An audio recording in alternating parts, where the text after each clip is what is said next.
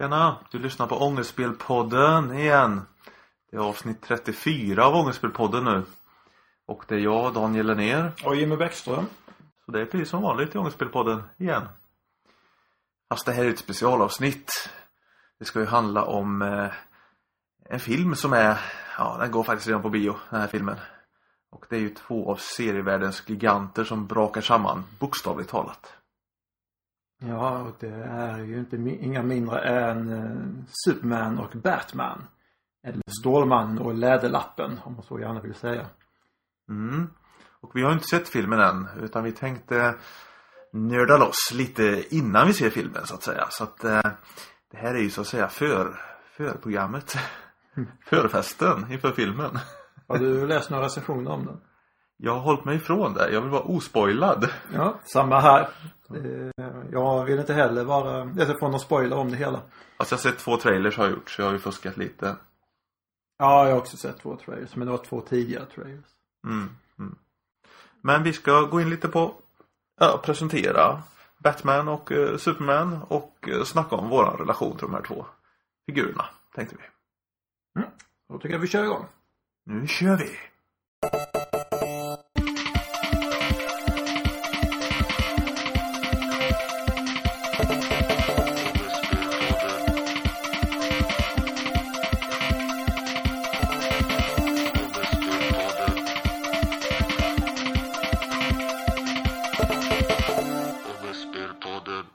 Filmen alltså.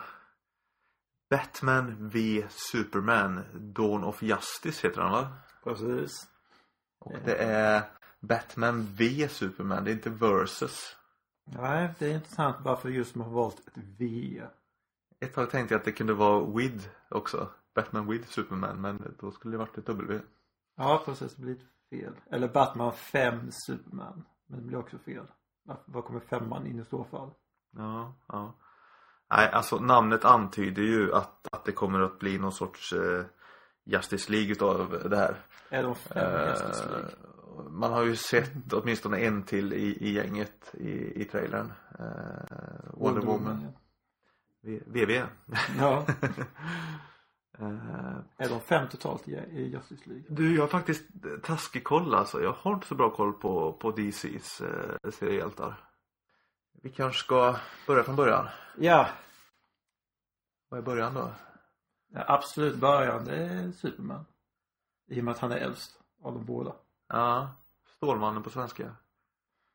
Eh, han kom till på 30-talet va? Mm, 1938. Och skapad av eh, Jerry Siegel och Joe Shuster. Mm. Och det var en serietidning redan från första början. Precis, men då, han såg lite annorlunda ut mot vad han gör idag. För han var superskurk. Var han superskurk? Han var superskurk.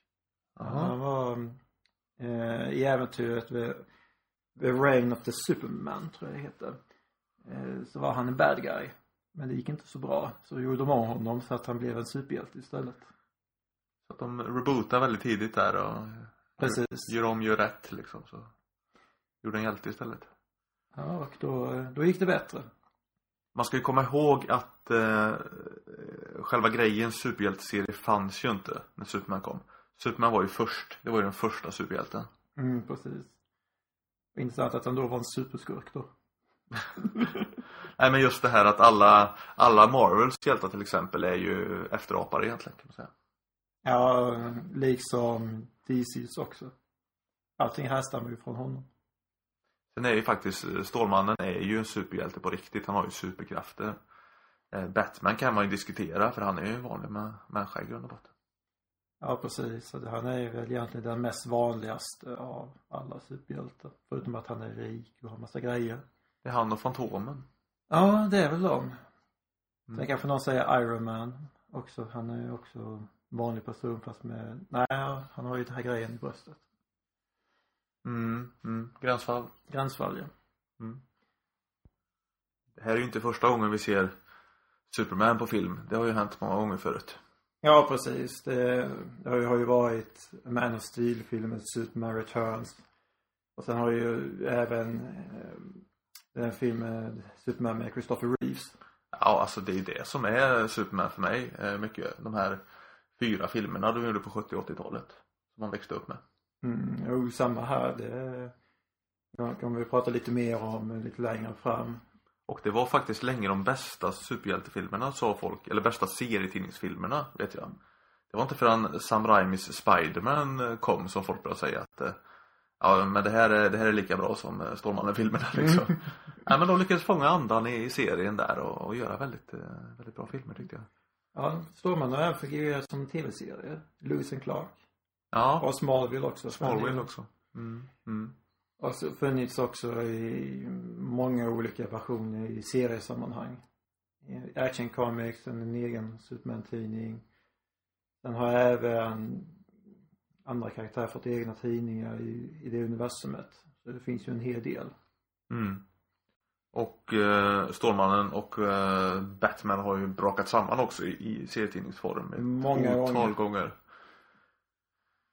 Kanske vi kommer att beröra längre fram i podden. Mm. Ska vi snacka Batman då? Lite kanske? Mm, jag hoppar in på honom. Eller Läderlappen. Jaha. Eh, föredrar du Batman eller Läderlappen? Jag föredrar Batman. När jag, tänker, när jag hör Läderlappen så tänker jag på Adam West.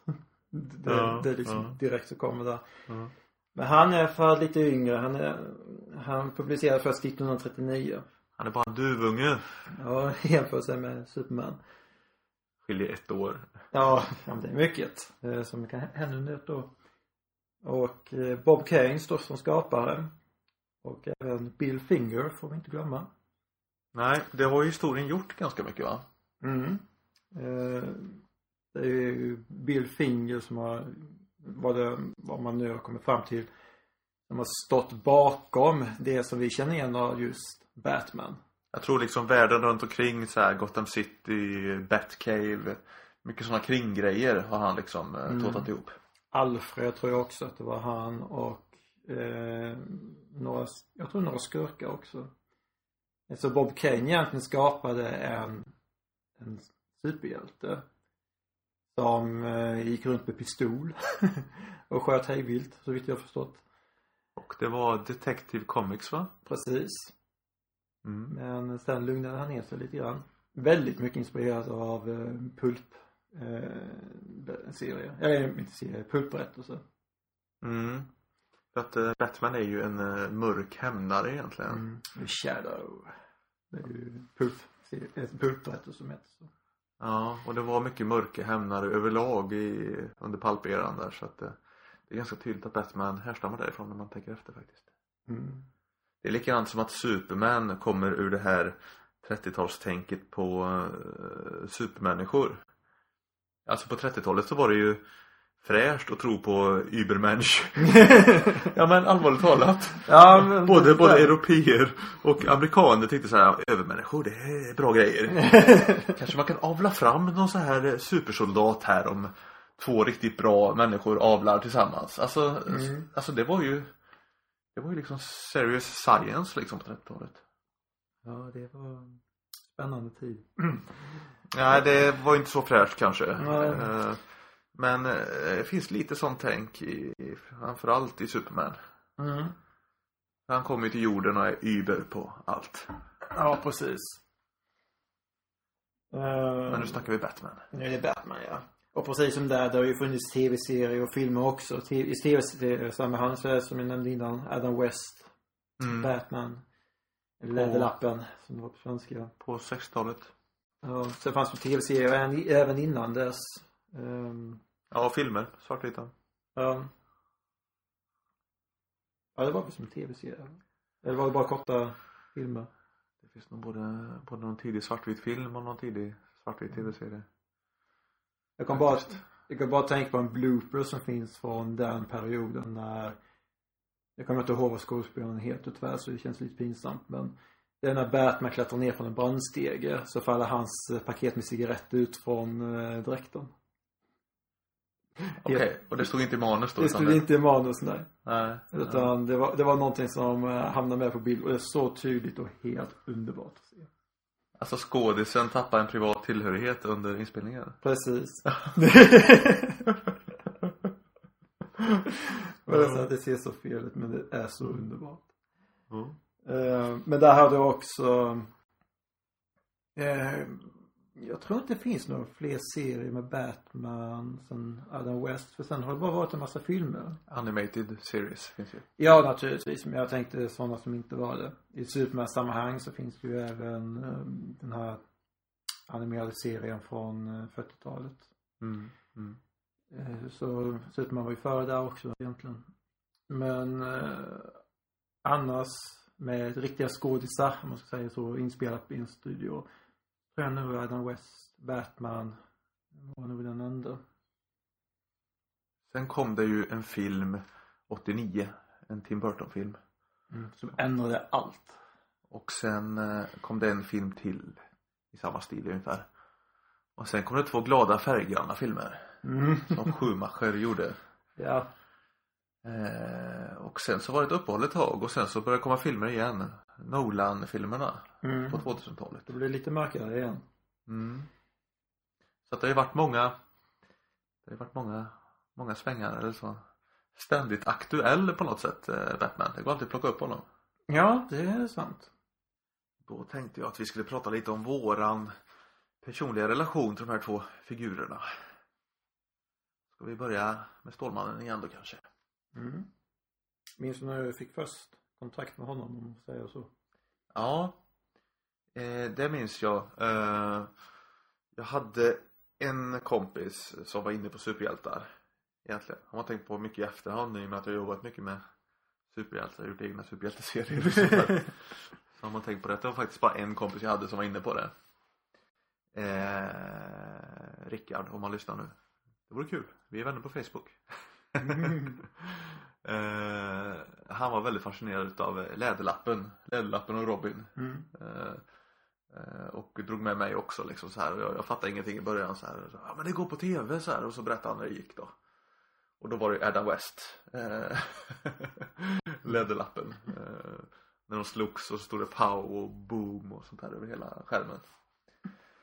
Eh, så att eh, vi tittar på det och jag spelade in det på VHS vet jag så vi liksom tittade på det upprepade gånger liksom och, och blev väldigt fixerade faktiskt. Eh, så vi lekte mycket eh, Lappen och Robin och sådär. Eh, fast vi läste aldrig serietidningarna faktiskt. Det var bara tv på den tiden. Det var bara tvn som gällde. Ja. Samma Rickard introducerade mig till eh, Stålmannen då. Till Stålmannen vi pratar om nu egentligen. Ja. Han hade filmerna inspelade också. Så att eh, då kollade jag på dem hos honom där. Det var väl ettan och tvåan tror jag vi såg. Mm. Eller kanske bara tvåan. Jag minns att det var sådd-filmen. Eh, ja, det är nog tvåan. Ettan Ja. skickas han bara iväg. mm, Eller de. mm. Eh, så att det var väl lite min introduktion där. Eh, Adam Wests Läderlapp och Christopher Reeves Stålmannen på film. Mm. Hur var det för dig? Ja, jag försöker komma på, eh, komma ihåg hur det var men eh, Inget fabricerat nu. Nu vill vi ha sanningen här va? Ja, sanningens ögonblick. I denna viktiga fråga. Eh, Jag kan inte riktigt minnas vem det var som fick in mig just på spåret för eh, jag vet att kusin, jag hade en kusin som var intresserad av Batman. Jag kom in på Batman igen. Men ingen av mina kompisar egentligen var särskilt intresserade av superhjältar. Intresserad heller egentligen. Ja, bortsett från Ghostbusters. Eh, men eh, eh däremot när jag såg eh, Christopher Reeves Superman. Eh, jag har också sett eh, Adam West Batman men just i Superman-sammanhang så var det när jag såg den första filmen. Så eh, den blev jag intresserad av. Så det var mer som en sorts, vad ska man säga, ett lösgående intresse för Stålmannen. det, det är lite svårt att förklara. För att det var just den första filmen som jag fastnade för av just Stålmannen. Så hade vi serier som läste då och då men eh, det var väldigt eh, speciellt tecknat för mig. För jag tror att de flesta tidningar hade då var tecknat av Richard Brown, Brunt, Brint, vad fan heter han? Eh, en kanadensare i alla fall. Eh, och den stilen var lite för smutsig för mig. Men jag, jag läste ändå. Jättemärkligt. Men det var just Christopher Reeves som fick mig inte på det spåret. Egentligen så var det parodierna som fick in mig på superhjältar. Jag har snackat det här nyligen, jag var med i Comicspodden i helgen som var. Eh, Och redogjorde för det, detta. Eh, Och det var ju, man läste ju Kalankas Pocket. Eh, Och där fanns Stålkalle. Man läste Kalanka Company och där fanns Stållångben ibland. Mm, just det. Och det är ju egentligen superhjälteparodier. Mm. Det har man förstått i efterhand. ja, så att man läste, som det ofta är, man läser parodierna först. Mm. Och sen stöter man på det riktiga och så såhär, vad fan en Batcave och en Batmobil. Aha! Ah, Lite så, man lägger pusslet i efterhand. Det är så livet funkar i mångt och mycket. Ja, men eh, så var det ju. Eh, Det, det, det roliga var att eh, när vi såg Läderlappen, Läderlappen och Robin hette det väl? Adam West och Burt Ward. Ja, det var nog den. Lärlappen Rob Martin. Eh, alltså man tog det 100% seriöst. Gjorde jag i alla fall. Sen skaffade jag den här filmen. De gjorde ju Batman the Movie också. Efter Mm. tv-serien. Eller mellan två säsonger eller hur det var. Eh, Den har jag på DVD. Tv-serien har ju kommit först nu på DVD. Det har ju varit något konstigt rättighetsproblem där. Med den. Kom typ förra året eller 2014 Mm. eller något sånt där. Först i alla fall. Eh, och när man ser det nu liksom. Eh, eh, filmen kollade jag på förra veckan så den har jag i färskt minne. Alltså det är ju så sjukt oseriöst alltså. Det är inte seriöst någonstans. Ingen tar det seriöst liksom. Och, och alltså det står ju skyltar på alla så här apparater i Batcave liksom. Eh, vad det är för typ av dator liksom. Och så har de ju en dator för allting liksom. Mm. Som är uppmärkt med skylt liksom. Jättetramsigt liksom. Eh, Fast då såg man förbi det här liksom. Och såg liksom bara Läderlappen Jättehäftig. Robin jättehäftig. Jokern jättehäftig. Allting var jättehäftigt. Mm. Eh, Så, nej, väldigt eh, fascinerande faktiskt. Men hur tänker du då på, om vi går in på Superman igen, eh, första filmen. Eh, då Superman framställs som väldigt barnslig egentligen. Alltså väldigt naiv vill jag mer säga. Han är ju godhjärtad till tusen. Och eh, väldigt snäll i sitt sätt att tala, vill jag också vilja påstå. Tänker du på Christopher Reeve? Christopher Reeve, första Ja. film. 1978 tror jag den är ifrån. Eh, Mm. Alltså. ja, alltså. För mig så är det ju eh, klockrent där. Eh, han är väldigt bra som Clark Kent. Ja, Eh, och köper man Clark Kent så brukar man köpa Superman också. Det, det är min eh, analys av figuren och karaktären. Och han är nog nästan, eh, ja han är den bästa Clark Kent. Skulle jag säga. Ja, det är väldigt svårt att kunna nå över det liksom många och har väl sin, sin favoriter inom Batman också men det finns egentligen ingen jag vill nog inte säga att det finns någon Bruce Wayne, alltså som har varit då eh, som folk säger att det är definitiva Bruce Wayne. Nej, alltså. Alltså jag har ju en åsikt där. Mm. Och det är ju att Adam West är bäst. Helt seriöst. Och det, det har att göra med det här att jag upptäckte detta när jag var åtta år. Och han var liksom, han var läderlappen för mig liksom. mm. Han var Batman. Och nu när jag ser om det så att eh, Alltså det är han som har rätt haka liksom. Det är han som ser rätt ut i masken. Och han är bäst som Bruce Wayne. Han är klockren som Bruce Wayne. Han är för alltid min referens i Bruce Wayne. Men det, det kanske är jag. Ja, jag, vi hade ett eh, uh, Läderlappen eh, avsnitt inspelat med um, då Egghead var med. Vincent Price var det va? Eh, som var skurk. Eh, så det är väl egentligen det som är min färskaste minne från den perioden. När jag såg om det nu förra veckan där. Alltså Batman the Movie är ju någon sorts eh, All Stars eh, grej liksom. Så att alla skurkarna är ju med. Mm. Ja, inte Egghead och inte Mr. Freeze och sådär. Det är väl de typiska figurerna som var med. Ja, de mest ikoniska. Gåtan, eh, Jokern, Kattkvinnan och Pingvinen. Och de är ju fortfarande, tycker jag, gjutna i den gamla tv-serien. Eh, sen, sen är det tramsigt och, och humor liksom. Men eh, utseendemässigt och eh, kläder och sånt alltså. Eh, Gåtan har aldrig varit så bra som i, i den gamla tv-serien. Man hoppar ju väldigt lätt över till Batman märker jag. Ja, det finns ju en dragning mot Batman och det kanske har sina orsaker också. Ja. Men annars om vi tar skurkar så finns i Stålmannens värld. Ja, Det är ju egentligen Lex Luthor. det är väl två höll jag på att säga. Ja, General Sod också. ja just det. Han är fan med överallt. Ja. Ja. Nej, men eh, ja. Mm, Ja. Fast där i Man of Steel så var han mest bara jobbig. Det var, han var som en jag, jag såg om Man of Steel eh, för inte så jättelänge sedan men jag vill gilla den filmen men jag kan inte av jättemånga anledningar. Och General Zod är en sån anledning. Okej. Eh, för att han, när jag ser honom så ser jag honom mer som en barnunge som, eh, alltså jag förstår hans motiv. Det är inte det som det brister men, men jag ser honom som en barnunge som ser allting svart och vitt. Ja, men är inte det ganska bra skurkmaterial?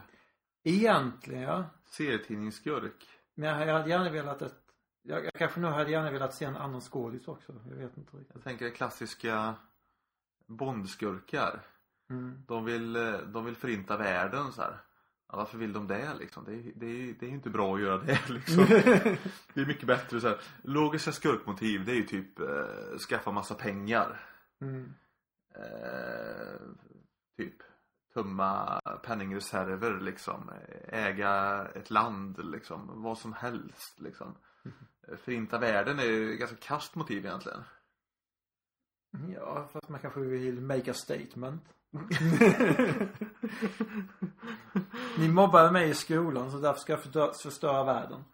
Ja, ja. Det är ju som i Lex Luthor till exempel. Varför vill han ta koll på Superman egentligen? Jag kan inte backstoryn där faktiskt. Eh, hade det funnits ett, ett bra svar så hade jag gett det. I filmerna så är han ju någon sorts uh, affärsmogul eller någonting där. En Mm. sorts uh, uh, chef. chef på ett företag. Det, det är han också. Och han jag har för mig att det finns något, något äventyr att han vill bli president eller hur det ser ut om han faktiskt skulle vara president och sådana saker men jag vet ärligt talat inte riktigt exakt varför han vill ta koll på Superman. Nej. Är det för att han stoppar om, om vi tar första filmen så stoppar han ju mm, hans planer. Eller Superman stoppar Lex Luthors planer från Herregud vad han skulle göra? Han skulle skjuta iväg någon missil eller vad det var. Mm. Men eh, Men vad hans egentliga mål är lite svårt att veta. Lite diffust tror jag. Mm. Men däremot Lex Luthor, han bygger ju en superutrustning sen senare. Ja, just det. Det var väl så att i och med att Stålmannen var först av alla superhjältar Mm. så var det väl inte 100% genomtänkt allting. Eh, till exempel det här att, eh, ja, okej nu har den här serien börjat rulla här. Ja men då behöver vi en motståndare. Jaha, eh, hur gör vi då? Eh, han är ju överlägsen allt. Eh, ja men det får väl komma en till från Krypton då. Mm. Eh, det var ju så man gjorde med General Zod Mm. egentligen. Så här, nej, krypton finns inte längre. Uh, nej, just det. Nej. nej, men han kan ha varit uh, uppskjuten i rymden innan. Uh, inspärrad i någonting så här. Ja, det kan han ha varit. Alltså det, det är också, det är så mycket, mycket konstiga grejer i, i Stålmannens universum. Det är samma det här, den här jävla kryptoniten som finns i tid och otid. Alltså var kommer den ifrån? Alltså planeten är ju förstörd. Kryptonit är väl typ eh, sten från krypton eller? Om jag har förstått det hela rätt så är det som säger sten från krypton som kom, som när det kommer till jorden så är det via meteorregn. Ja, Så det är därför det finns på jorden. och det är grön sten då liksom. Det beror på vilken serie du läser. det finns, jag tror det finns mer än 20 olika sorts kryptonitstenar. Jag tror man gör det grönt i serietidningen för att man lätt ska känna igen det liksom. Den vanliga är grön men sen finns det vit, gul, orange och så vidare. Mm. Mm. Sen så gör de olika saker. Det finns något som ger superkrafter till något djur i 24 timmar eller något sånt. Men jag tycker på att, vilken eh, man läser. jag tycker att här kan man spåra ganska dåligt manusberättande liksom. Så här att eh, eh, Stålmannen är liksom OP, overpower liksom. Och då är man tvungen att hitta på någonting som tar ner honom liksom. Och då blir det liksom ett ämne liksom helt random. Eh, Så att ja, han tål allt och överlägsen allt. Utom det här ämnet. Jag bara, jaha. Och det frågar jag varför man tar på det här ämnet liksom. Eh, mer än bara att hitta ut i, i, eh, i stenar och sånt. Jag hittade, eh, kom precis tänka på, på tal om Stålmannen. Jag har ett nummer av Stålpojken från 1977. Nummer tre. Alltså Stålpojken, är det Clark Kent som ung eller? Eller är det någon annan Jeppe eller? Det är en bra fråga. Jag har faktiskt inte följt Stålpojk så mycket utan denna hittade jag på en second hand butik och tyckte så här eh, Stålpojken är tråkigt men det är Stålflicka på omslaget och, och Supergirl gillar jag så eh, då tar vi det istället. Eh, men eh, jag kommer faktiskt inte ihåg hur det var med Jag tror att Stålpojkens Alltså första idén var att det är som säger Superman som barn. Men jag kan ha fel. Jag kan ha fel. För att Supergirl är ju en kvinna som kommer från krypton också på någon vänster. Det är hans kusin. Jaha. Det, Mm. det säger hon i Supergirl-filmen. Mm. Jag har sett filmen har jag gjort. Men inte så mycket mer på den fronten. Ja, Jag har läst några serier. Ehm, med anledning till att jag tog fram just den här Stålpojken. Eh, det är för att i, ett, i mittuppslaget så står det om olika superdjur och superodjur som finns. Och det är bland annat Som finns. Ja, eller finns, eller fanns. Och det är bland annat eh, ja, Krypto som är en hund, Randy som är en katt, Komet som är en häst. Ehm, så finns det apor, jättemånga superapor av någon anledning. Förbannat många superapor. Eh, och supermus. Men den, men den som jag tyckte nog är lite lite småkul är ändå 82. Som är kameleontpojkens husdjur. Som, som husse kan ha, vad faglund står det? Som husse kan han ta den form han vill. Som stålpojken, till exempel. Det vill säga att han kan förvandlas till stålpojken. Men det finns ingen direkt bild på hur den här figuren egentligen ser ut. Alltså, det är så väldigt spretigt det här kring Superman alltså. Ja, och det är liksom ett tecken vad jag tycker att eh, då, då har man tappat lite eh, fantasi. Lite fokus eller? Tappat fokus liksom. Ja, ungefär. Superdjurens patrull. Men, eh, ja. Ja, den där, den där supermusen har jag sett vet jag på lite omslag och sånt där. ja, Jävla konstig grej alltså. får inte blanda ihop Kryptomus, som han heter, får inte blandas ihop med Supermouse som var på 90-talet. Here I come to save the day! Det var inte Danger Mouse eller? Eh, Danger Mouse är en brittisk mus. Eh, som körde runt i en bil. Eh, men eh, Super Mouse det var Ja, han såg ut så ja. Just det, nu fick en bild i skallen. Ja precis. Fanns också som serie. Ja, ja. Eh, väldigt bisarr. Ren och Stimpy liknande. Eh, vet du någonting om Stålmannens fästning? Ja just det. Eh, Fortress of Solitude eller något sånt där va? Mm. Ett slott på Nordpolen typ va? Ja precis. Eh, Eh, jag hittade en pocket hemma som jag har köpt någon gång här. Eh, som är från 78 här, så här seriepocket. Och då är det med liksom en guide över eh, Stålmannens slott som de kallar det. Och där har han bland annat rymdtelevision. Spännande. eh, han, har, mer kallad för hemmabio. eh, han har Han har ett robotlager. Och där står det kopior av honom. Eh, Och även av Supergirl, några stycken. Det kan vara bra att ha ibland. Det lite, låter lite bisarrt Eh. mer men ja. Sen har han flaskan med Kandor. Jag vet inte fan vad Kandor är men det är säkert jättebra att ha. Kando är staden som han räddar genom att lämna den i en flaska. Sen har han en jävla drake i en bur. Det kanske är draken som är där på omslaget, vad vet jag. Nej, det är en annan drake. Eh, sen har han Superlab och fabrik. Superdator. Superarkiv. Allting är super. Om det är som i Batman, allting är Bat. Och sen, sen den här är skön också.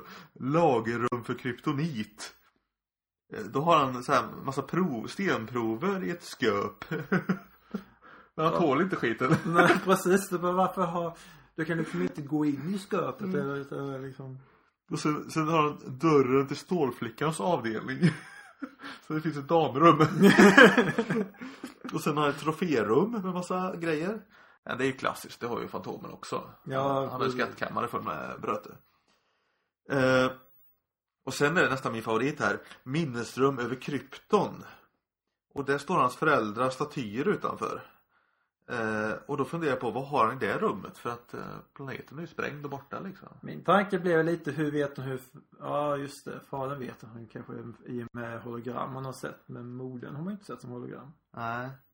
Och sen har han ett rum till här där han har olika eh, typ eh, vaxdockor eller statyer som han har gjort själv liksom.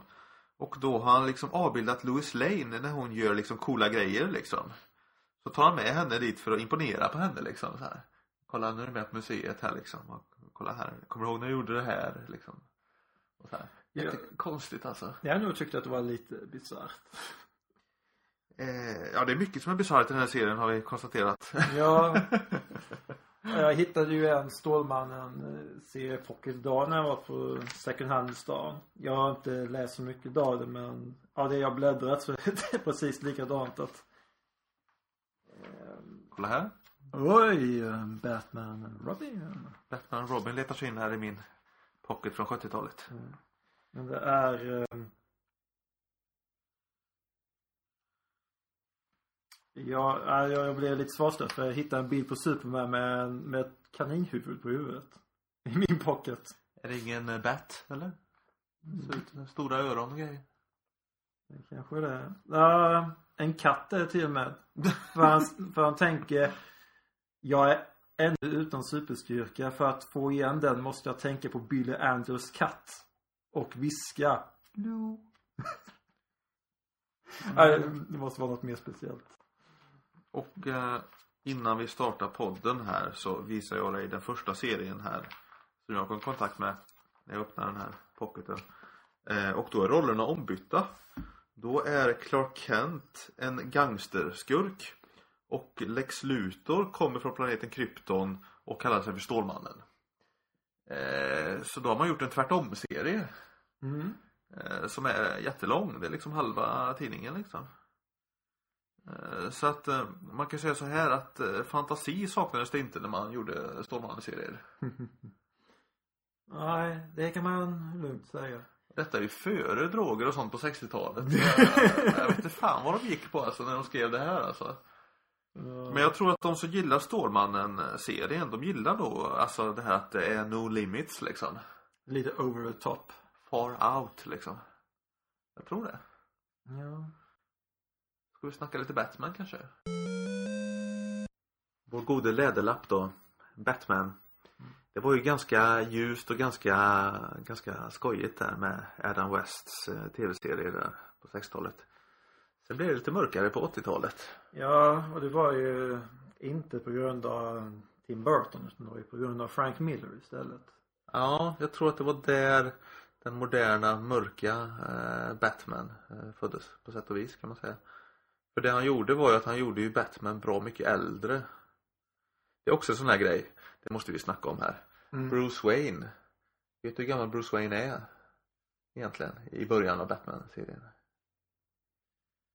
Ja, Jag har läst Batman Year One nyligen. Han är 24 eller 25 år. det tänkte jag inte. Jag tänkte mer kring 35. Alltså han verkar vara lite äldre. Jag tänkte säga, tänk att eh, Bruce Wayne är 10 år yngre än oss. That doesn't work in my head. Precis så tänkte Frank Miller när han skulle göra Batman. Okej. För att han hade passerat 30-strecket. Mm. Och eh, jag tror att Batman, eller ja, Bruce Wayne då, han är mellan 24 och 25 i början av serien och sen så jobbar han sig upp mot 30 va. Mm. Så han var typ 28 eller 29 då liksom om man följde eh, Canon då liksom. Eh, och Frank Miller var typ 32. Och han eh, sa att nej, nej, Batman kan inte vara yngre än mig. Mm. Det köper inte jag.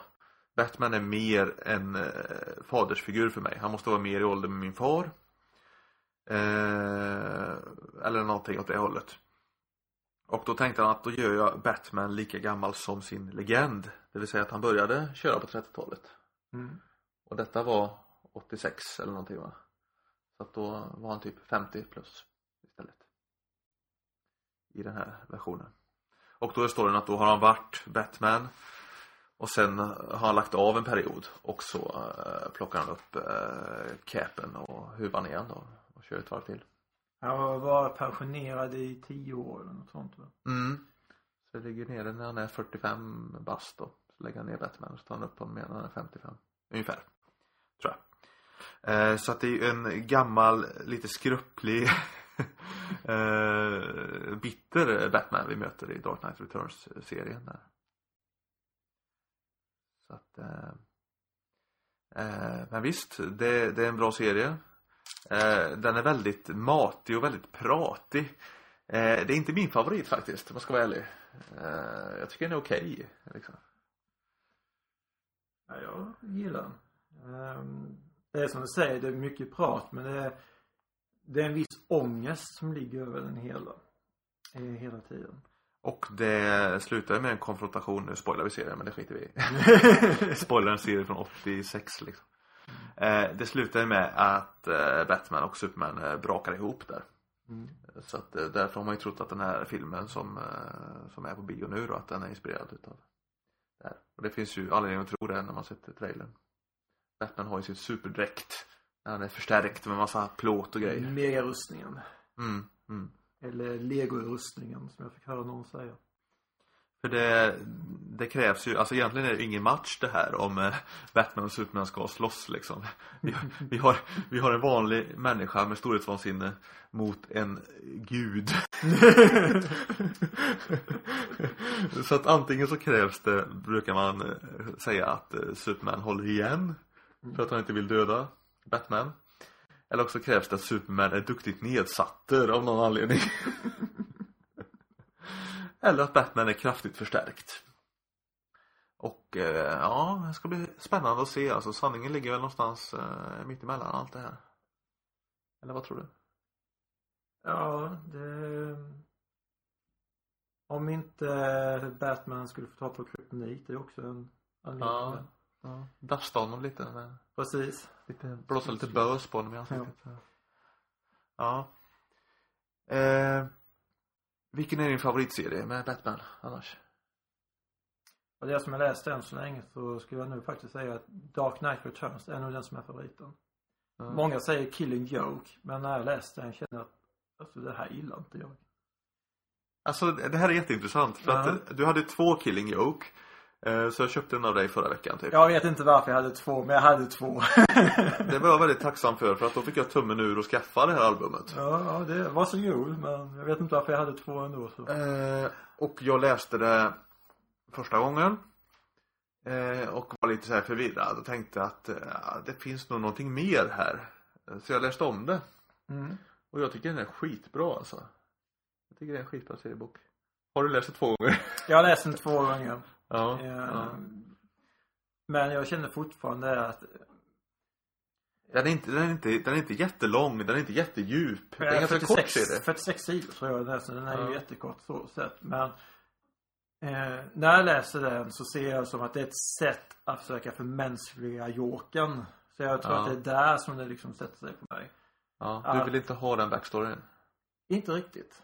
Ja. För där i Killing Joke så framställer Joker som att vara att ha varit en mes så att säga. En misslyckad komiker som eh, försöker eh, slå sig igenom och eh, försöka, lyckas, försöka försörja sin fru och sen deras ofödda barn. Mm. Eh, Och sedan att på grund av, ja nu blir jag man spoilar lite grann där men eh, återigen en serie som har några år på nacken.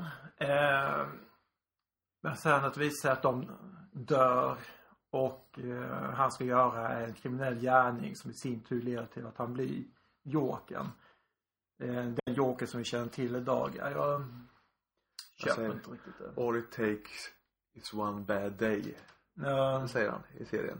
precis. En dålig dag så är det kört och man trippar över och blir galen. Eh, det tycker jag är rätt häftigt faktiskt. Att det, han har ju en dag där, där allting går åt skogen. Mm. Hans fru dör, hans barn dör. Han har ingen framtid. Enda han vet är att han ska vara med och göra en kupp. Han vet knappt varför. Mm. Tjäna pengar som han inte behöver. Men han hänger med i alla fall för allting är riggat och klart. Och han kan inte dra sig ur liksom. Han får inte dra sig Mm. ur. Och det skiter sig ännu mer. På grund av Batman faktiskt till och med. ja. Eh, om det nu händer på riktigt, jag vet inte. Eh, det är ju Batman som jagar ner honom i den här giftiga bassängen. Ja, fast det är klart. I Jokers fall, han springer ju och ser ingenting på grund av att ha den här röda luvan på sig. Eller Mm. hinken kan vi kalla det för. Mm. Ja, nu är det hundra trappor. Mm. Eh, men eh, Nej, jag riktigt eh, Jag riktigt köper det inte. Jag köper nästan mer Burtons variant än den. Mm. Men Burton-filmen från 89 är ju bra 89. alltså. Ja, den är bra ja. Eh, Jag tycker att någonstans, ska man gå in på Jokerns origin liksom eh, Då måste man förklara galenskapen Och man måste eh, förklara smilet Att mungiporna sitter uppe vid öronen Ja förvisso så Alan Moore har gjort det väldigt bra genom att förklara att han är misslyckad komiker. För att han blir Jokern därigenom. Eh, därav The Killing Joke, skämtet som kommer sen sedan. Kass. Ehm, men Eh, Dålig Norge-historia liksom Ja, precis. Men däremot, det jag gillar med storyn det är att ehm, Brian Bolland som har tecknat det, han har gjort ett bra jobb. Jättesnyggt tecknad alltså riktigt bra gjort. Och sen är det en ny färgläggning också i den där versionen Ja, precis. Så det Eh. ser bättre ut än någonsin faktiskt Men jag gillar inte Jag gillar inte riktigt slutet. Eh, lite på grund också att det som hände med Barbara mm. Eh, och eh, man märker när Batman sitter i sjukhusrummet tillsammans då med Barbara att han är inte glad över det hela men sen slutar med att eh, det liksom händer ingenting egentligen. Det är liksom, slutet blir egentligen bara ett skratt. Mm. Jaha. Är det allt? Ja men eh, det är ju öppet för tolkning vad som händer i slutet där Dödar han Jokern eller vad händer egentligen? Jag tycker, ja, jag tyckte faktiskt att det var, kan vara den bästa Batman-serie jag läst faktiskt Jag gillar ju Year One också eh, Tycker jag är väldigt bra Det är ju från början med en ung Batman där En Mm. ung Bruce Wayne, 24-25 år liksom Han har varit iväg i världen och tränat i sju år tror jag han är iväg där. Ingen vet vart han är liksom så han är iväg och tränar till eh, ninja slash detektiv liksom. Eh, Han börjar när han är rätt ti- tidigt då, han börjar typ när han är 15 och, och, och, och resa och träna. Och kommer tillbaka när han är 24 liksom. Eh, så att, Alltså det är ju ganska intressant det här Är det där han tränar med Russell Gould då? Eh, ja det gör han ju i Nol- Nolan-filmen sen. Jag vet inte hur det är Mm. från början faktiskt. Eh, det har väl inte varit så definierat vem man tränar med och sådär riktigt kanske. Um, Eh, Nolan-filmerna gör ju ett bra jobb att liksom bygga upp karaktären från scratch liksom. Jag tänkte återigen på det när jag såg om filmen nu för några veckor sedan att eh, eh, man får inte se Batman från typ 1.20 in i filmen eller någonting. Så det är verkligen karaktärsuppbyggnad där liksom. mm. Och där tycker jag också att eh, i film nummer två sen eh, när Jokern kommer in. Mm. Heath Ledgers eh, Jokern. Eh, så en väldigt genial grej där är att eh, Jokern har ju gjorts förut på så många sätt liksom. Eh, och man lägger till någonting och man tar bort någonting och sånt där där pratar han om sina ärr som han har i ansiktet eh, mungiporna som han har skurit upp med kniv så. Mm. och så säger han, har jag berättat hur jag fick mina ärr? Mm. Och så drar han en ny story varje gång. Mm. Eh, tyckte jag, det är smått genialt faktiskt. Eh, så här, lite, liten grej som pekar på eh, vansinnet liksom. Ja, precis. Och sen Eh, någonting som Alfred säger också i filmen det är att some people just want to see the world burn. Något, Precis. något. Alltså vissa skurkar har inga motiv. Precis. Det tycker jag också är jättebra för att Joker, han, för mig är en sån karaktär. Han har inget egentligt motiv. Han bara finns där för att eh, bara vara jobbig rent ut sagt. En kaoskaraktär liksom. Precis. Mm. Eh, så därför att försöka lägga någon sorts logisk poäng över varför han är som han är. Det känns lite dumt. Ja. Så du tyckte att Alan Moore trampar lite på förbjuden jord där, eller vad man säger. Ja, jag tycker att det är... Lite som prequel-filmerna gjorde med Darth Vader. Vi vill Ja. inte veta det här. Ja, ja men det, det, är, det, är, det, det är ett intressant försök är det. Men för att eh, många vill ju veta Jag kan se som att många vill veta varför Joker blev som han blev. Så det är Jag ser det som att det är en tolkning eh, mer på eh, hurdant eh, Jokern blir ju som han är. Jag tror inte det finns någon specifik förklaring till varför han faktiskt blev Jokern. Eh, Men någon anledning så är det hans galenskap som många gillar med honom. Har du läst det här seriealbumet? Arkham Asylum? Den har jag läst. Den gillar jag. Den är... eh, Då kan du berätta för mig vad den handlar om för jag fattar typ ingenting jag läser. alltså, alltså eh, jag har både twittrat och, och bloggat om det här albumet alltså. Men jag är ju ganska rutinerad serieläsare får man ju lov att säga. Man har läst eh, serier i, i 30 år. Mer än 30 år. Eh, och eh, mycket serier och, och sådär va. Eh, och så läser man det här väldigt snyggt tecknade albumet där varje sida är målad liksom. Eh, jag tycker att det är för snyggt alltså. Det är så att eh, narrativet hänger inte ihop längre riktigt liksom.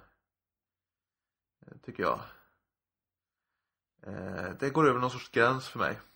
Det är en fröjd för ögat för min del. Det, det enda jag inte gillar det är typsnittet. Som är då och då. Till exempel när Jokern pratar. Det är ju för att visa hur pass tokig han är. Precis, det är väldigt svårläst. Det, det blir lite för mycket. Ja. Nej, det är ju skitsnyggt är det ju. Eh, vissa rutor vill man ju ha som tavla liksom. Mm. Eh, men just, just narrativt så går jag bort mig alltså bland de snygga bilderna. Lite. Jag måste försöka läsa igen ordentligt känner jag. Eh, det finns ju också spel baserat på Batman. Grant Morrison är... Eh, det här är ju Ångestspelpodden. Vi borde ju snacka spel egentligen. Men det, det gör vi typ aldrig. Eh, det finns ju bra spel med Batman. Eh, som heter Arkham Asylum. Ja. Och det finns en tvåa som heter Arkham City. Eh, och en trea som heter Arkham Knight. Eh, och en Arkham Origin däremellan också tror jag. Eh, alltså det spelet kan vi ju rekommendera våra lyssnare. Arkham Asylum, första spelet. Alltså det är Det är en riktig fröjd att spela. Speciellt ifall man är lite serietidningsnörd eller om man vill bli mera serietidningsnörd. För att det, det, var liksom en så här aha-upplevelse för mig att spela för att så fort man träffar en karaktär så får man in karaktären i någon sorts loggbok. Och så kan man gå in där och läsa liksom om typ Barbara som sitter i rullstol. Mm. Eh, varför gör hon det? Jaha, hon har blivit skjuten av Jokern här i en serie. Eh, och så står det liksom så här referenser och sånt liksom till det seriealbumet. The Killing Joke och så. Mm. Eh, och en del referenser går ju tillbaka till 30-talet. Mm. och, och, och sådär va. Eh, så att det är liksom ett väldigt bra spel och ett referensbibliotek samtidigt. Så att eh, jag tycker nästan spelet är bättre än seriealbumet. Eh, det har noll med varandra att göra. Förutom liksom konceptet mentalsjukhuset då liksom. Möjligtvis men. Ja. Ja, jag, jag har inte kört spelet så mycket kan jag erkänna. Eh, men eh, den albumet Arkham Asylum det, det gillar jag ju väldigt mycket. Det är mer, jag, jag ser som att det är svårt att förklara handlingen i, i den där också. Det var ett tag sedan jag läste den också. Men eh, Ja det är väl ganska lätt att förklara att, att, eh, att Batman hamnar på ett mentalsjukhus och där sitter alla hans motståndare som han har burat in. Och de håller honom fången där. Ja, Det är väl ganska lätt koncept egentligen. Ja, så sett ja. Men anledningen till att jag ser också som att när det, det bildspråket som serien använder sig av, det för visa hur pass galet det är där inne. Det är liksom, ute är en värld, men där inne är en helt annan. Ja. ja. Så det är, problematiskt för Batman att kunna ta sig ut därifrån. Mm. Eh, förutom då att Jokern har lurat dit honom. Eh, Det som moderna tolkningar har gjort utav eh, Batman är ju att man har ju eh, funderat på Batmans egen galenskap också. mm, Och Jokern kör ju det mycket att han vänder dig mot eh, Batman liksom att ja, hur mår du egentligen? mm, Det är inte jag som klär ut mig till en fladdermus mm, och springer runt på nätterna. Det är faktiskt du som gör det liksom. Eh, och det är också, det är också intressant. Eh, han mår ju inte riktigt bra. För att om man säger så här att det som har hänt är att hans föräldrar har blivit mördade när han var liten pojke, typ 10-årsåldern. precis. Och han har egentligen aldrig bearbetat det. Eh, tänker man efter så finns det eh, folk som blir föräldralösa, förlorar sina föräldrar i krig och allt möjligt. Eh, olyckor och allt möjligt. Och de blir inte Batman. Om man ska vara rent krass. Alltså, det kan gå ganska bra ändå, fast Mm. man blir av med sina föräldrar.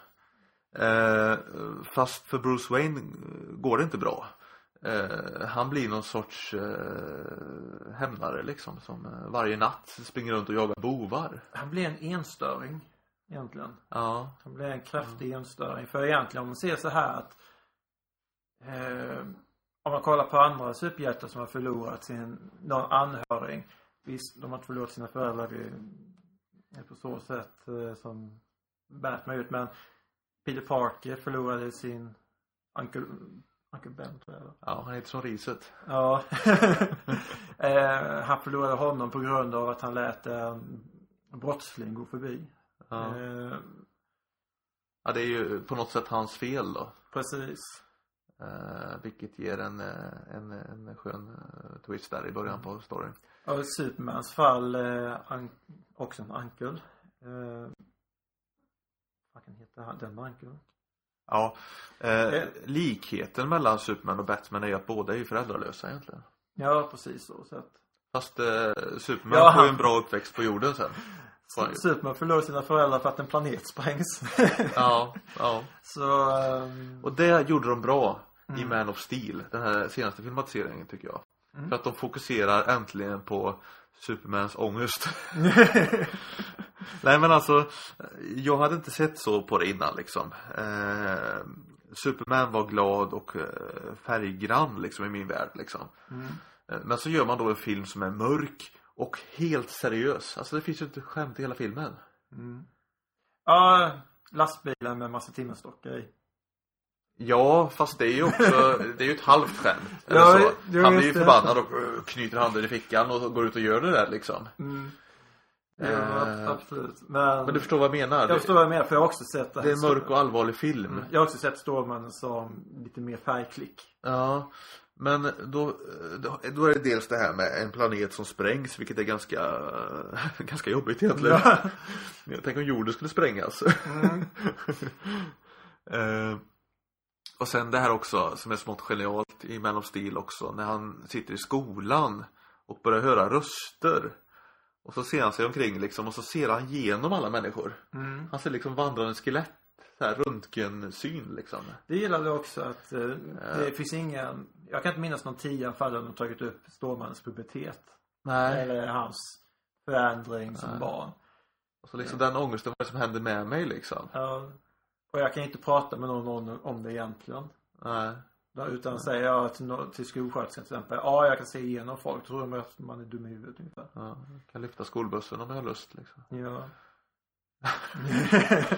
Ja, det är speciellt faktiskt. Jag snackar vi utanförskap. Mm. Ja, precis. Definitivt. Men eh, eh, någonting får honom då till att bli just superhjälte. Och då är det ju är hans farbrors död. Om jag tar Man of Steel-varianten. Ja, för att eh, farbrorn, alltså fosterpappan säger jag. Fosterpappan. Kevin ja, Costner. Kevin Costner. När Kevin Costner dör, då blir han Superman. I den mest onödigaste döden någonsin. Ja, man blir nästan lite irriterad där. Mm. Eh, så, eh, man vet ju vad som kan hända eh, kan ju dras till mörka sidan också. Ja. Folk dör i onödan. Eh, nej men han säger det, du ska hålla tillbaka. Och det är väl egentligen till eh, General Zod kommer. Och Mm. världen måste ha en frälsare liksom. Eh, Det är då han träder fram liksom. Mm. Det finns lite så här Kristusreferenser. Eh, jag vet inte, han som spelar Superman nu, han är ju typ, eh, han är typ i din ålder, han är väl typ 32 eller något. Henry Cavill. Ja. Eh, jag vet inte om eh, Stålmannen brukar väl avbildas någonstans mellan eh, 25 och 35 någonstans va? Eh, 30-årsåldern. Jo, det tror jag nog. Får lite bilden av det. Eh, där kan man ju dra en Kristusreferens om man har lust. Alltså Jesus höll ju igen. Han gjorde inga under förrän han var 30. Mm. Sen körde han det i två år och så gick det som det gick. Ja. Då får vi in påsken här också påskens tema i, i podden. Nej men det finns en liten beröringspunkt där. Mm. Eh, alltså en sak som är slående när vi har det här samtalet är att, eh, att vi halkar gärna in på Batman. Om vi snackar Superman så halkar vi in på Batman ändå. Och det är för att vi gillar Batman lite mer. Visst är det så? Ja, men jag tror det är Batman på något sätt som säger vi gillar mer men att det är, det är något mer intressant över honom. Eh, för jag vet, jag har själv pratat med några andra, eh, kort med några från kursen och sen eh, lite annat folk om vem de föredrar mellan Superman och Batman och Batman liksom överväldigar, överväldigar att säga det är liksom han som är mer populär. Men jag tror det är för att det är mer intressant persongalleri. Både mellan honom och skurkarna. Eh, jag funderar lite på detta på, på lunchen faktiskt och skrev upp några punkter här. Alltså min teori, mina teorier varför Batman är mer populär här. Jag, ser, jag kan läsa upp dem för att se om du håller med. Mm. Eh, för det första, han är en vanlig människa. Han har inga superkrafter. Man kan relatera mer till Bruce Wayne än Clark Kent. Ja, egentligen. det tror jag det ligger mycket i. Jag håller med om. Den här eh, att, att, att bli av med sina föräldrar när man är tio år. Mm. Eh, på något sätt kan man nog relatera till det. Att man kan bli bitter och Fast- hatisk. Och sen just det som vi också sagt tidigare att eh, Stålmannen, Karl L, eh, han är ju utomjording. Ja, eh, rätt svårt att relatera till. Precis. Eh, den andra punkten jag skrivit upp är en ikonisk look. Det vill säga väldigt eh, ytligt hur han ser ut. Eh, då tänker jag mycket svart. Eh, jag tänker eh, huvan, eh, de täckta ögonen liksom. Och så tänker jag de här två spetsiga Öronen. öronen som sticker upp. Alltså det räcker ju att se hans skugga Mm. eh, på något sätt. Och man kan leka väldigt mycket typografiskt eh, med liksom bilden av Batman. Eh, jag vet ingen annan superhjälte som är så ikonisk att du känner honom på skuggan. Eh, det finns säkert men du, du förstår lite vart jag vill Jag komma. förstår att du vill komma. En ja. väldigt kraftfull symbol. Mm. Det är samma den här eh, vad heter det? Eh, det här de skjuter upp eh, den här eh, lampan. Bat- loggan. Eh, Batman-lampan. Batman-signalen. Ja. Också Bat-signal. väldigt ikonisk. Bat-signal. Eh, och sen eh, det tredje jag skrev upp här är att eh, Batman har varit väldigt duktig om man nu säger så. Det finns ju inte på riktigt faktiskt. Batman har varit duktig på att anpassa sig efter sin samtid. Han har inte varit statisk utan varje tid har eh, format honom. Och han har på så sätt eh, alltid eh, hållit sig ajour med tiden, varit aktuell liksom. Batcard. Ja. Nej men på, alltså gott, det, på gott och ont. det, det, det var spexigt och roligt på 60-talet. Ja, först var det ju mörkt och ångest och så på 30-talet Mm. och 40-talet. Och sen blev det lite glatt och lite sådär va. Och, och det har ju att göra med liksom att man serietidningar blev i färg och sådär också. Eh, sen. Eh, och sen blev det mörkt och gotiskt egentligen med Tim Burton och Frank Miller och sådär igen. Och vuxet. Och då hade ju liksom eh, läsarna hade vuxit upp då. Då hade ju Batman vuxna, en vuxen publik plötsligt.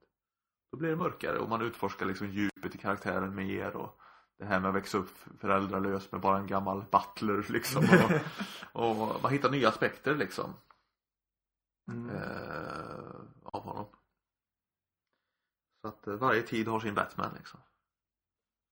Det var också tydligt i de här nya Nolan-filmerna tyckte jag att, eh, att det var eh, Jag har inte sett Batman som en sån riktigt en sån tekniknörd innan. Eh, men det är klart att skulle han finnas nu i nutiden så skulle han ju ha eh, grymma grejer liksom och antagligen massa appar i sin smartphone. Ja, precis. Så sett. Bat-app. Eh, men samtidigt, alla hans grejer måste ju komma någonstans. Det löste ju Nolan på något sätt genom att ha Wayne Foundation, eller fond, Foundation. Ja, Eh, ja och sen eh, det här att grejerna har en funktion tycker jag är riktigt coolt i de filmerna också. Jag menar om man skulle göra en Batmobil på riktigt skulle den antagligen se ut som den här Tumblern i de filmerna. Det skulle vara en jävla stridsvagn liksom. Det skulle inte vara Tim Burtons liksom bil med stora vingar på liksom. För de har ingen funktion. Det är liksom bara design. Vilken är den snyggaste Bat, Batbilen? Ja, nu säger jag emot mig själv men eh, antingen är det Burtons eh, bil där. Eller också är det Adam Wests eh, sextalsbil faktiskt, tycker jag. Um, Adams West är ju mest ikonisk, eh, tycker jag själv. Men annars så föredrar jag själv nog eh, The Animated Series. Jag har ju inte sett någonting av Animated Series. Det är ju en brist jag har i min eh, allmänbildning har jag förstått. Ja, det är... Jag hade lite svårt med den när jag var yngre, men jag kollade på en del avsnitt då och då. Men nu i efterhand så tycker jag att det var ju bra grejer faktiskt. Det är där eh, Mark Hamill gör eh, rösten till Jokern va? Precis. Ja det gör han ju jämt sen Ja. men det var där det började. Ja, och eh, Mike Hamill han gör ju ett fantastiskt bra jobb som Jokern. Och nu när eh, Killing Joke eh, ska bli animerad serie, alltså, film också, så ska Jokern komma, alltså Mike Hamill komma tillbaka som Jokern. Jaha, det visste Och- inte jag faktiskt. Eh, även, han, Kevin, nu måste jag kolla. Conroy. Eh, han gjorde rösten till Batman i animerade serien. Han ska också komma tillbaka. Det är ju inte mycket att göra film på. 48 sidor serie. Ja, det kan man göra en del med. Frågan är hur pass mörkt det kommer bli för den är ju Jag tror att den eh, berättelsen egentligen är betydligt mycket mörkare än vad serien ger sken av. Ja, ja, jo, jag, jag vet det. Jag vet att det finns de som läser in att eh, Barbara blir våldtagen också. Mm. De eh, klär av henne alla kläderna och fotar henne när hon ligger och blöder liksom. Vilket är brutalt nog egentligen där men Ja, man kan läsa in andra saker. De är inte så snälla mot Gordon heller. Nej, men med anledning är ju för att Jokern tänker att han ska knäcka Gordon. Vilket Ja. han inte gör. Ja. Eh, Så det är ju därför allting händer. Ja. Eh, så jag tror det är därför många, inklusive jag själv, tror att eh, Barbara blir våldförd. Men eh, ja, det ska bli intressant att se hur de kommer lösa det. Ja, det är som du sa, vi har ju väldigt mycket prat om Batman men lite mindre prat om Superman. Jag tror att det har varit ganska mycket 50-50 ändå faktiskt. Tror jag. Ska vi försöka sy ihop säcken lite grann eller? Ja. Vad har förväntningar över filmen? Jag har ju inte sagt någonting om. Just. Batman v Superman. Just det, det kommer ju en film också. Ja, precis. Kommer en film. Jag hoppas att lyssnarna märker att vi har gått in lite för det här och researchat faktiskt eh, till Ångestspelpodden, det här avsnittet. Mm. Eh, Jag har sett eh, alla filmatiseringar jag har med Superman och Batman och läst alla serier jag har. Har väl en ambition att skrapa ihop de här ikoniska Batman-serierna också. Eh, För jag har, har de flesta eh, där av de här man brukar nämna. Det finns IGN har en lista på nätet med de eh, tio bästa Batman-serierna liksom. Mm. Och då har jag väl fem, sex där på den listan. Man kanske kan skrapa ihop alla tio eller något och läsa. Ja, jag har mest läst serier som har kommit över och eh, eh, jag har ju serieversionerna på Batman-filmerna. Ett, för, ett första och eh, sen återkomsten. Tim Burtons-filmerna. Som då inte skiljer sig allt för mycket från originalfilmerna.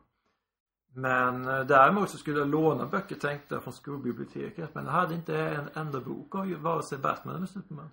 Det är ju konstigt Det faktiskt. var väldigt konstigt. Däremot så hade de en hel del av Hellboy. Att alltså, oavsett vad man tycker om de här två superhjältarna så är de ju serietidningshistoria. Ja, precis. Definitivt. Och eh, en del av eh, amerikansk seriehistoria. Ja, grunden för hela superhjältegenren. Precis. Och eh, så det var lite konstigt. Men den här kära filmen då. Mm. Som vi ska försöka se i helgen eller något. Vad, vad tror vi om den? Det är ju, kan man säga, en tvåa på Man of Steel. Ja, de har hoppat lite där. Ibland har de sagt att det är det, ibland har de sagt att, de inte, att det inte är det utan att Man of Steel 2 kommer senare. Men... Alltså, eh, måste säga att det är väldigt skicklig marknadsföring eh, för den här filmen alltså. För att de har ju lyckats få en rejäl snackis. Mm. Eh, de har visat trailrar som har blivit uppskattade. Eh, jag vet andra poddar som har nördat det här till eh, leda, höll jag på att säga. eh, så att de har ju lyckats väldigt bra med marknadsföringen. Och det hade väl gått ihop sig bara de släppte biobiljetterna så man kunde förboka. Ja, antagligen. Eh, Jag tycker själv de visar lite för mycket inför släppet. Ja men det gör de ju alltid. Ja, men fast det var, jag tror det var i samband med att de visade hur dräkterna skulle se ut att eh, i och med att de spelade in i Toronto tror jag var och eh, att folk kommer ju se dräkterna så därför visade ju de hur de ser ut redan nu. Mm. Eh, så att det var ju smart så sett men lite trist kände jag. Jag vill gärna få lite mer överraskning. Men det är ju samma Superman som vi såg i Man of Steel. Samma skådis och samma dräkt och, Precis. och, samma, samma person från den. Eh, Så eh, frågan är ju eh, vilken Batman det är vi kommer att få se då. Det har vi fått se lite i trailer och så då. Mm. Eh, Men det ska väl vara en lite, lite äldre, lite bittrare Batman. Ja, det har jag fått intryck också att det ska vara. Ja. Och då kommer det vara, det kommer ske någon sorts eh, clash emellan dem där. Att de har lite olika syn på saker och ting. Mm. För de är ju good guys bägge två. Det är det som är intressant med, här, med den här grejen. Eh, och om man tittar på Dark Knight Returns så är det ju att eh, Superman står ju på regeringens eh, sida. Och eh, Batman eh, är lite mer laglös. Kan man väl säga. Förenklat eller? Ja, det kan man nog göra. Men det är just att Superman har ju lite gudastatus över sig. Används som politiskt verktyg liksom. Precis. Det är lite det som jag tror att Batman eh, liksom ifrågasätter. Och sen också, det får man ju se i trailern där att eh, Batman är ju ganska hårdför mot skurkarna liksom. Han buntar ihop dem där och binder ihop dem liksom och Mm. spöar på dem. Eh, Medan Superman är liksom lite mer, han låter saker hända och då ingriper han och räddar folk. Mm. Eh, att de, de ingriper vid olika jag vet inte, bankrån och sånt, det skiter väl Superman i. Om man ska, om man ska hårdra det. Det är väl inte så mycket crime fighting där va? Ja, det är lite så egentligen. Eh, bankrån, men det får väl någon annan ta hand om. Men, eh, jag håller på att stoppa en vulkan just nu så. Ja men lite mer så rädda folk eh. Mm. Eh, Batman han bekämpar kriminella liksom.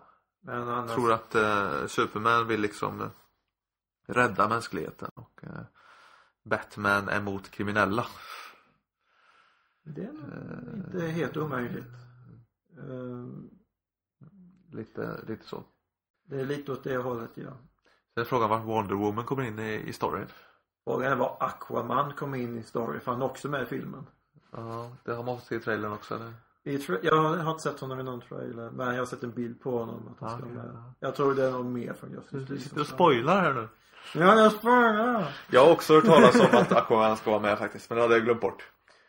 Eh, ja, alltså det hade kanske räckt med bara Superman och Batman egentligen. Jag har även hört att en till ska vara med men jag säger inte vem det är. Nej. Eh, men filmen ska vara, vad jag har fått uppfattning av, två och en halv timme lång så det är mycket som ska stoppas in i den. Kommer Jokern att vara med i frågan? Man har ju sett han, eh, Jokern har sprayat på någon eh, Batman, eh, om det är staty eller om det är dräkt eller någonting så här. The Ja. Jokers on you står det på. Ja, jag tror att det är på Robins dräkt då. Ja, ja. Ehm, Så, så Robin kanske är med? Nej, Robin har coolat. jo, Robin har coolat så att han är nog inte med men. Kanske två Robin har coolat till och med. Ja, det är väl om det kommer någon ny Robin. Ja. Det gäller, det gäller vilken historia de väljer att bygga vidare på. Ja. Men det blir ju en mörk ångestfilm i alla fall, det tror jag vi är inställda på. Eh, Ja, precis. I och med The Man of Steel 2, det här. Sen är frågan vilken stad kommer förstöras den här gången. Ja, jag tänker på ja, Man of Steel, hela Metropolis förstördes mer eller mindre. ja. Ehm, nej men det ska bli intressant att se den och eh, jag hoppas på att den är bra. Men jag vill nog inte säga att jag har högre förväntningar än så. Nej. Nej. Jag säger att jag, jag börjar helt utan förväntningar. Eh, fast nu har jag liksom hypat upp dem i mig själv här nu för att jag har nördat så mycket eh, Batman. Även Mm. lite Superman. Eh, så att nu börjar man känna liksom att eh, Fan, det- nu är det dags! Nu kommer de att mötas! Nu kommer de att slåss! och, och, och det är det man vill känna liksom, för då är man ju tio år igen liksom när man, när man känner så. Eh, så det tycker jag är gött. Det tycker jag är gött. Och sen får man se, filmen är säkert kass men eh, Men de har gjort en Batman vid Superman-film i alla fall. Eller Batman vs Superman. Eller Batman 5 Superman. Eller vad nu man kan kalla den för.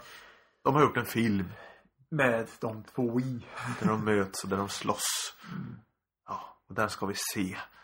Och nästa gång tror jag vi har sett den och kan prata om den. Ja. Så då tycker jag att vi kan avsluta nu. Så ska jag spöa Jokern. För jag har pausat i Return of the Joker. Där Ja. jag möter honom första gången. Då tar vi återgår till det som verkligen betyder något här i livet, det vill säga ångestspelen. Du har lyssnat på Ångestspelpodden 34 och det har handlat ganska mycket om en ny film här som heter Batman vs Superman Dawn of Justice. Ett kort namn som fullkomligt rullar av tungan. Och vi har pratat lite grann om eh, Superman och Batman. eh, Vad deras uppkomst och eh, vad, vad dessa superhjältar betyder för oss. Vi har pratat rätt mycket om det vågar jag påstå. Ja, väldigt mycket. Ja. Och det, finns ju mycket saker som vi inte har tagit upp. eh, Men det är ju för att det är så stort. Jag har gjort två sidor med väldigt bra anteckningar och de har jag inte använt under podden här, det har inte hunnit.